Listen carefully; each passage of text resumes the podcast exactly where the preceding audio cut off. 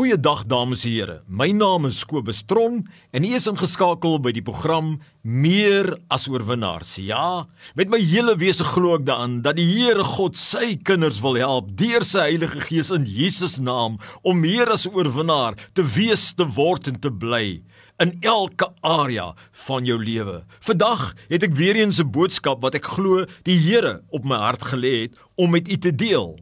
En ek wil hê u moet aandagtig luister na hierdie woorde en vir uself toets en evalueer of dit van hom is.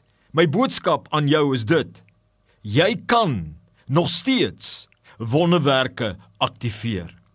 Jy kan nog steeds in Jesus naam op aarde God gegeewe wonderwerke aktiveer.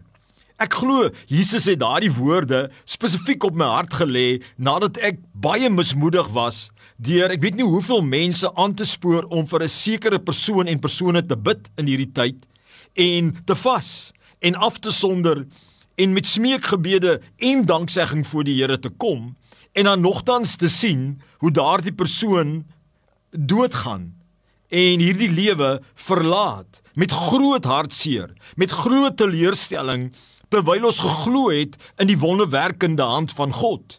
En ek glo in my moesmoedigheid praat die Heilige Gees met my en sê vir my: "Maar Kobus, jy moet verstaan dat jy kan nog steeds wonderwerke aktiveer. Maar jy moet verstaan dat alles wat jy doen om hierdie Godgegewe wonderwerke te aktiveer, is onderworpe aan my allerhoogste wil, wat die beste weet ten alle tye. En ek glo die Here wil vir u bemoedig en sê, staan op. Kyk na bo, slaan jou oë op na die Here. Waar sal jou hulp vandaan kom? Jou bonatuurlike hulp is van die Here God en jy kan nog steeds wonderwerke aktiveer, maar jy moet weet dat dit wat jy voor die Here vertrou, dit is onderworpe aan die Here se wil. Wanneer hy wil help, op watter manier hy wil help en of hy dalk besluit dit is nie die regte tyd om nou te kan help nie. Reg? Of op 'n ander manier te help wat jy nie sien, ken of verstaan nie omdat jou gedagtes is nie in lyn dalk met God se gedagtes wat so baie meer miljoene biljoene maal meer as ons weet en verstaan. Die Here sê dan, dis wat ek glo, jy kan steeds wonderwerke aktiveer, maar dis onderworpe aan my wil. Leer die woord nie vir ons oor en oor dat wanneer jy vra in Jesus naam, sal jy ontvang. Leer nie vir jou oor en oor wanneer jy die berg aanspreek en jy sê vir die berg beweeg met geloof in jou hart dat hy sal beweeg nie. Leer die woord nie vir ons duidelik dat wanneer ons die Here se stem, sy instruksie gehoorsaam, kan wonderwerke gebeur soos 'n Josua wat die instruksie van die Here gehoorsaam het en die mure van Jeriko laat val het. Maar u moet onthou dat wanneer ons vra in Jesus naam, is dit onderworpe aan sy wil. En daar is 'n algemene goeie wil van die Here in hierdie dinge, maar dan is daar 'n spesifieke wil wat ons nie kan verstaan nie. Daarom moet ons altyd onderdanig aan die Here vra tensy ons baie duidelik in ons gees weet dit is nou die Here se wil. En dan moet ons nie op, ophou vra nie. Iemand het my eendag gevra, nou wanneer hou jy op om vir iemand te bid dat en glo dat hy gesond word? Toe sê ek vir hom twee dinge. Een, wanneer jy weet die Heilige Gees sê vir jou stop. Dis verby, aanvaar dit. Twee, wanneer jy by 'n plek kom wat jy weet daardie persoon het nou gegaan as ek dit in daardie geval gebruik. Maar wanneer jy in jou hart 'n woord gehoor het wat jy moet verklaar, met ander woorde jy het die geloof van 'n mosterdsaad en jy spreek, dan is dit die Here se wil outomaties. Dan kan daar nie twyfel of daar mag dan nie twyfel wees nie. En wanneer jy instruksie hoor van die Here en jy volg die instruksie, dan moet jy weet, dan is God by jou as jy reg gehoor het.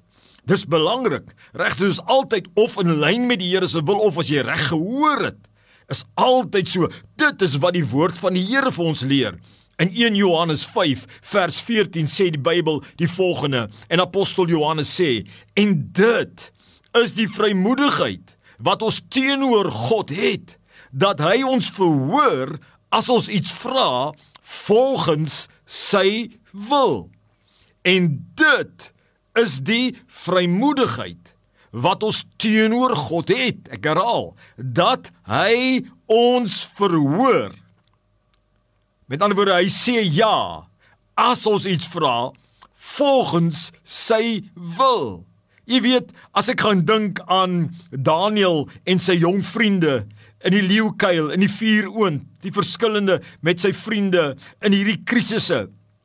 Hoe hy teenoor die koning reageer uit sy verhouding met God en waar hy vir die koning sê koning Miskien kan ek omkom hier, maar ek het my God gevra. As ek as ek nie omkom nie, loof God want hy weet die beste.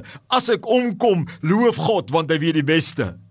Reg, as hy nie omkom nie, loof God want hy weet die beste. En as hy omkom loof God, want hy het God vertrou en hy verlaat homself op God wat die beste weet ten alle tye. Dit is die vrymoedigheid wat jy het as jy in Christus is. As jy nie met sonde ongeregtigheid speel nie, jy dit laat staan. Jy wandel voor die Here deur sy groot genade, want sonder hom kan ons niks doen nie. En jy vra en jy sê dankie en jy glo onwrikbaar As dit is in lyn met sy wil, dan sal daai gebed 'n ja hê en God sal bonatuurlik deurkom. My vriend, jy kan nog steeds bonatuurlike dinge aktiveer. Lig jou skuld van geloof op. Vra God om jou geloof op te rig. Maak 'n keuse soos daai man wat na Jesus toe gekom het rondom sy dogtertjie en toe die Here vir hom sê, "Glo jy?" Toe sê hy, "Here, ek glo. Help my in my geloof." So vra ek vir die Here vandag, help ons in ons geloof, Here, dat ons glo dat U die bonatuurlike kan doen, dat U kan genees, U kan herstel, U kan voorsien. Hoeveel wonderwerke het ek en jy nie al klaar beleef in ons lewe nie. Hou moed, my vriend. Hou aan, bestorm die troonkamer van die hemele, onderworpe aan die Here se wil. God seën u ryklik. Amen.